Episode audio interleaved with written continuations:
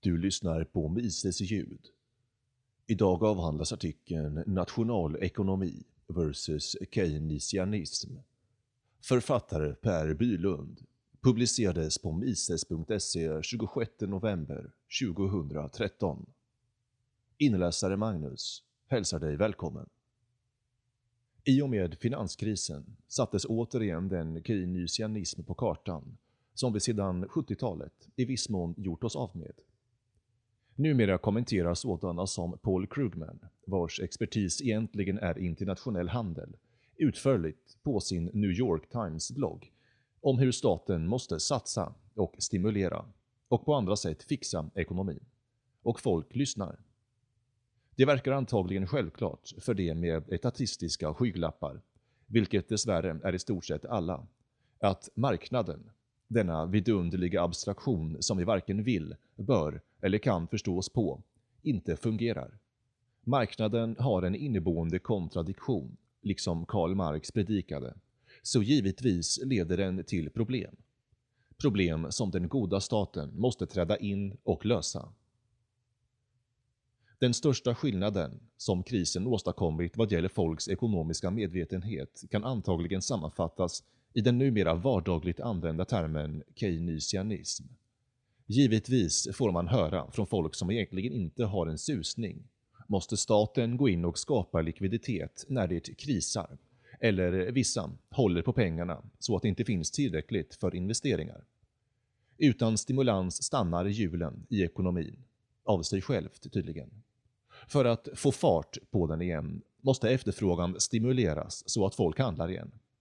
Det är ju konsumtion som är ekonomins A och O. Man kan inte annat än förfäras av dessa dryga ignoranter som försöker läxa upp oss andra och vad som egentligen är problemet. Men samma sak hörs med jämna mellanrum under den, får man förmoda, ironiskt menade rubriken ”Analys” på till exempel Svenska Dagbladets näringsliv. Alla vet hur det ligger till. Det är egentligen bara politikerna som verkar hålla emot och vilja spara. Och vissa galna nyliberaler. Fast det är ett konstigt och minst sagt ologiskt sätt att se på det. För vilka är det som inte tjänar på att skära ned? Om inte just den styrande eliten. De vill ju helst vara alla goda gåvors givare, vilket bäst tjänar deras inskränkta syften. Om man ägnar en stunds tanke åt det så är ju en profession som gör av med andras pengar och som blir återvald på att lova bort ännu mer av samma vara knappast benägen att skära ned om det inte står vid vägs ände. Det vill säga när det nästan är för sent. Så hela världen verkar vara helt upp och ned.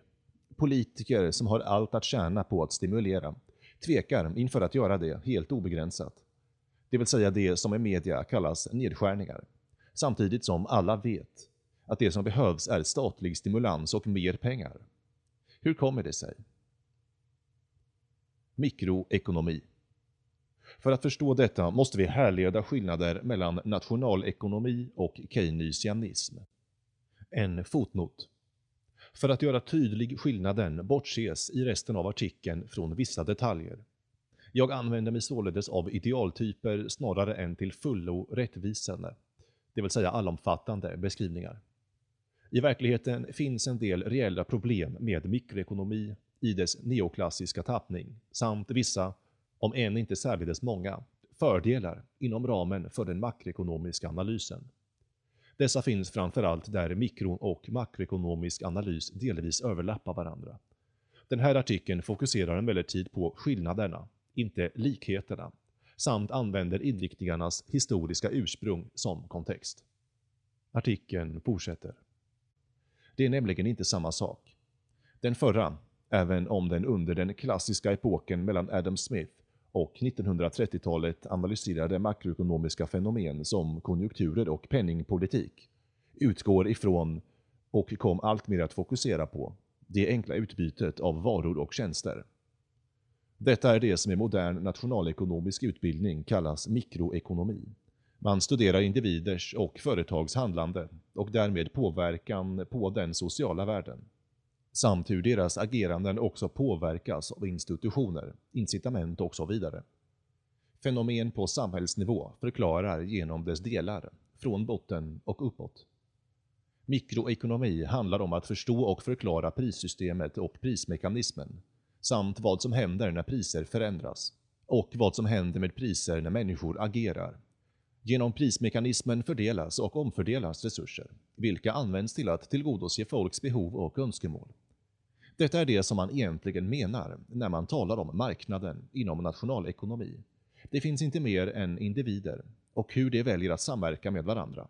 Förvisso påverkade av allehanda sociala och samhälleliga institutioner och andra influenser och därigenom åstadkommer, liksom en osynlig hand med Adam Smiths språkbruk, en ordning eller struktur.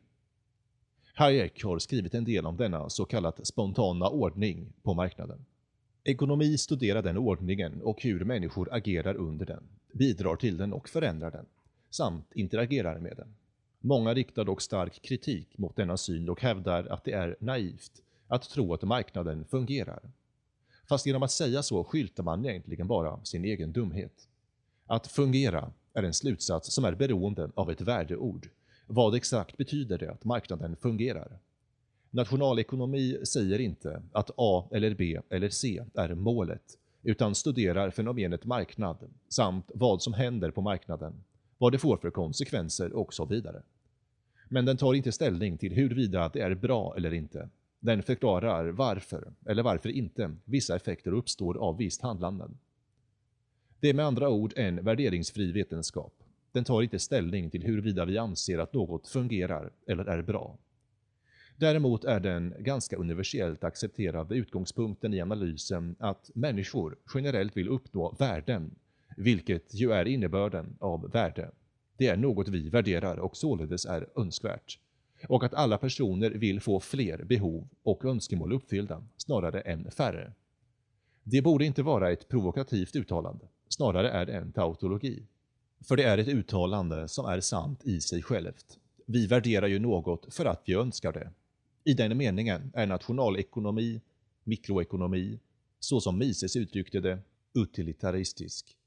För även om man inte tar värderingsmässigt ställning så utgår man ifrån att det är eftersträvansvärt att uppfylla fler önskemål än färre. Det är förvisso ett sidospår, men ofta kommer kritiken av detta värderingsfria förhållningssätt från den marxistiska vänstern. Denna hävdar nämligen att nationalekonomi genom att se till, det vill säga försöker förstå, hur värden uppkommer och därmed hur behov och önskemål tillfredsställs, är ideologisk och kapitalistisk.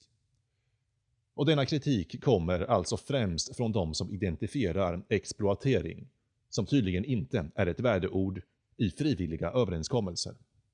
Hur som helst, av ovanstående anledning talar man om att mikroekonomi handlar om fördelningen av resurser, som innebär att nyttan, det vill säga tillfredsställelsen av behov och önskemål, maximeras. Det är inte konstigare än så. Men detta är något helt annat än keynesianism. Makroekonomi och keynesianism. På 1930-talet utmanades den gängse synen på ekonomi genom publiceringen av John Maynard Keynes allmänna teori. Denna sökte omstöpa det nationalekonomiska studiet genom att göra sociala och politiska hänsyn vägledande vilket skulle göra nationalekonomin till en vetenskap som kan användas politiskt för att skapa ett bättre samhälle. Bland annat gjorde Keynes klart att sparkapital var en styggelse och att politiken således måste syfta till att göra sig av med allt sådant. Notera skillnaden mot att studera ekonomi och försöka förstå sig på den. Med Keynes skulle politiken skapa ett nytt samhälle genom ekonomiska reformer istället för att studera hur resurser bäst används, utifrån antagandet att det är bra att tillfredsställa behov och önskemål, ansåg Keynes att man istället skulle föra en aktiv politik för att se till att alla i nuet kan tillgodogöra sig största möjliga nytta. I det långa loppet är vi alla döda, som ett välkänt Keynes-citat lyder. Så varför inte satsa på nuet och se till att alla har det så bra som möjligt? Vi kan egentligen inte säga så mycket om morgondagen i alla fall. Så vi kan ju då ta hand om de problemen som eventuellt uppkommer imorgon. Men det är förstås inte möjligt att alla har allt, om vi nu har konjunktursvängningar eller än värre arbetslöshet. Arbetslösheten är en styggelse och ett problem samt skapar lidande. Så detta måste man med alla medel göra sig av med. Inte minst den allsmäktiga politiken kan motverka arbetslösheten på marknaden. Att en oreglerad marknad inte leder till arbetslöshet förbises ifrån. Istället låtsas man som att den reglerande ekonomin är fri. Logiken är följande.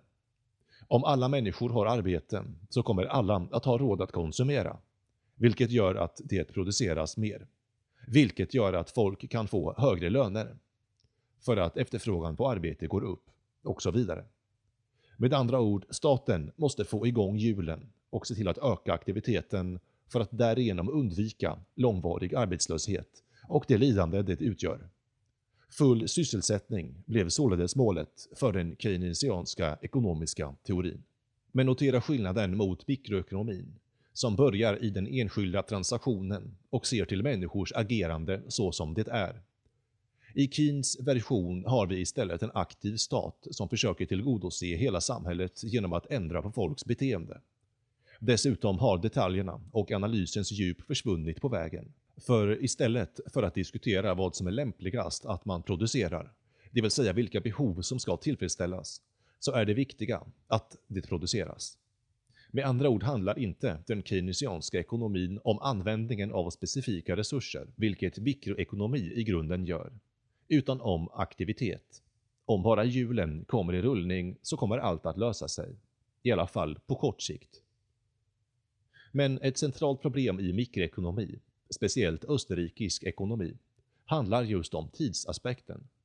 Vilka behov som kan tillfredsställas nu, vilka som kan tillfredsställas senare, samt hur man får ut mest av de val som görs. Det vill säga ekonomins effektivitet över tid i termer av resursutnyttjande och nytta. Keynesianism handlar om allt nu och förlitar sig till politiken för att få detta att hända, samt att eventuella problem framöver löses då. Av den anledningen är det inte alls dumt att trycka upp nya pengar så att staten kan betala folk för att gräva en grop och sedan fylla igen den igen. Ett välkänt exempel på en av Keynes lösningar. En mikroekonom förfasas över resurslöseriet och de konsekvenser detta får för ekonomin som helhet, eftersom det inte är i de ekonomiska aktörernas intresse. En makroekonom ser det som en bra lösning på problemet ett sätt att återkomma till ekvilibrium och skapa full sysselsättning. Med andra ord, mikro och makroekonomi är alltså inte förenliga. Men detta ska inte ses som en filosofisk motsättning som inte vanligtvis kommer till ytan. Faktum är att de teorier som används i makroekonomi inte stämmer överens med mikroekonomiska teorier och vice versa. De undervisas i olika kurser och är olika specialiseringar. Det ger också olika prediktioner om vad som händer och vad olika agerande leder till. Men det är inte så konstigt, för de har ju helt olika utgångspunkter och helt olika mål. Mikroekonomin söker förklara och förstå hur en ekonomi fungerar utifrån dess beståndsdelar, individer, transaktioner och så vidare. Medan makroekonomin syftar till att skapa full sysselsättning på politisk väg. Så medan den förra är värderingsfri och vetenskaplig, är den senare klart mer lämpad som ideologi. Det intressanta här är att de teorier som utvecklats inom mikroekonomin, vilka de facto förklarar en del av de fenomen som vi ser i samhällsekonomin, också förklarar effekterna av den kortsiktighet som keynesianismen för med sig. Resursanvändningen, om man förlitar sig på Keynes teorier, blir ju snabbt lidande, vilket innebär att långt färre behov och önskemål kan tillfredsställas än annars hade varit fallet och därmed blir problemet i samhällets totala produktionsstruktur fördjupade och i värsta fall bestående. Vilket förstås leder till långvarig arbetslöshet innan hårt beskattade entreprenörer med lika hårt reglerade investeringar slutligen korrigerar den missanpassade produktionen. Så det problem som keynesianismen syftar till att lösa är ofta ett direkt resultat av de keynesianska åtgärderna. Är det då inte samma åt andra hållet? Det vill säga att den keynesianska teorin pekar på de brister och svårigheter med mikroekonomin. Faktiskt inte. För individer och enskilda transaktioner finns helt enkelt inte inom makroekonomi. Här sysslar man istället med aggregat som totala efterfrågan eller belåning, helt utan att fundera över ifall efterfrågan är av olika saker, vid olika tidpunkter och av olika personer. Istället rattar man politiskt på en av variablerna och tror sig veta att exempelvis en lägre ränta leder till mer investeringar och därmed lägre arbetslöshet. Vad som produceras, eller om det finns avsättning för produkterna, är helt ovidkommande. Mikroekonomisk teori kan också tala om efterfrågan, men endast som en konsekvens av en mängd individers ageranden. För mikroekonomier finns egentligen inte något sådant begrepp annat än som konsekvens av de verkliga analysenheterna. För efterfråga är något som individer gör, av särskilda anledningar och vid särskilda tillfällen. Med andra ord påverkas total efterfrågan av en myriad faktorer, vilka alla är utom räckhåll för makroekonomen. Den senare förlitar sig istället på trubbiga politiska instrument för att öka eller minska efterfrågan totalt sett. Och detsamma gäller sysselsättningen, vilket är ett obegripligt koncept för mikroekonomen. Det som betyder något är ju hur resurserna sysselsätts och vad de producerar, och inte minst varför.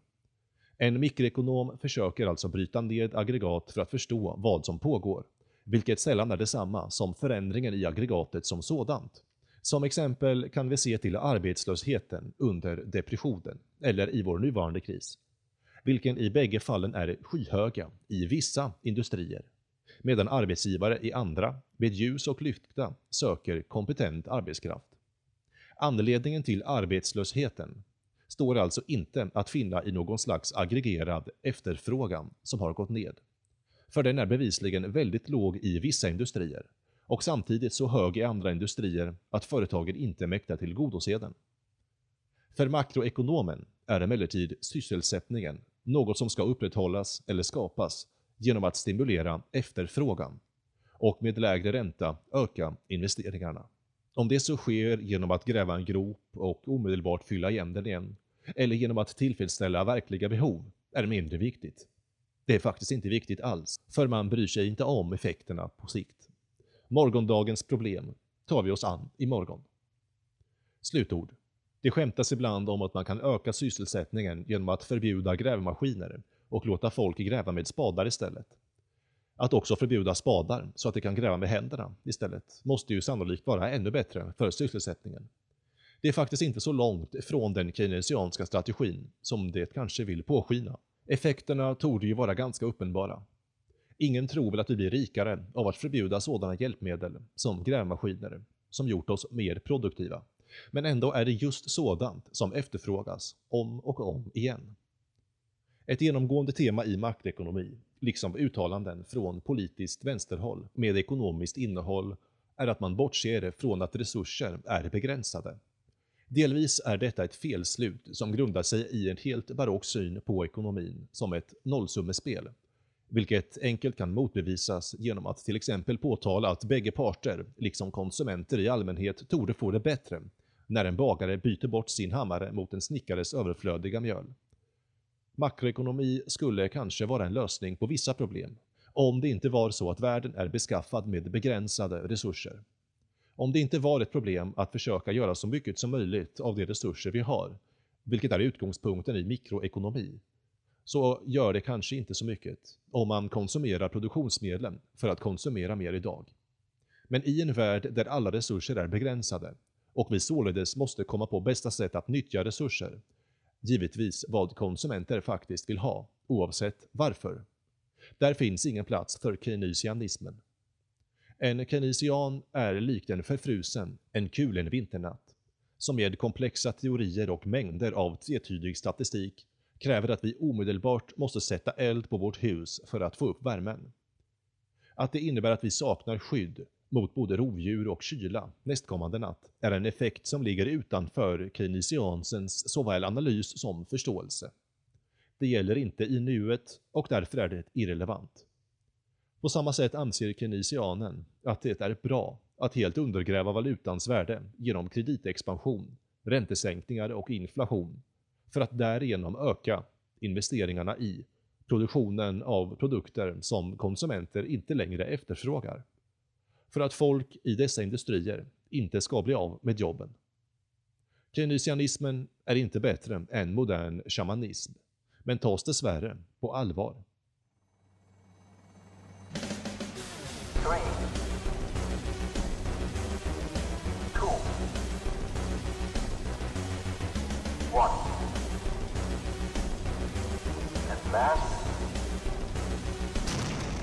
Don't put your trust in politics Pardon.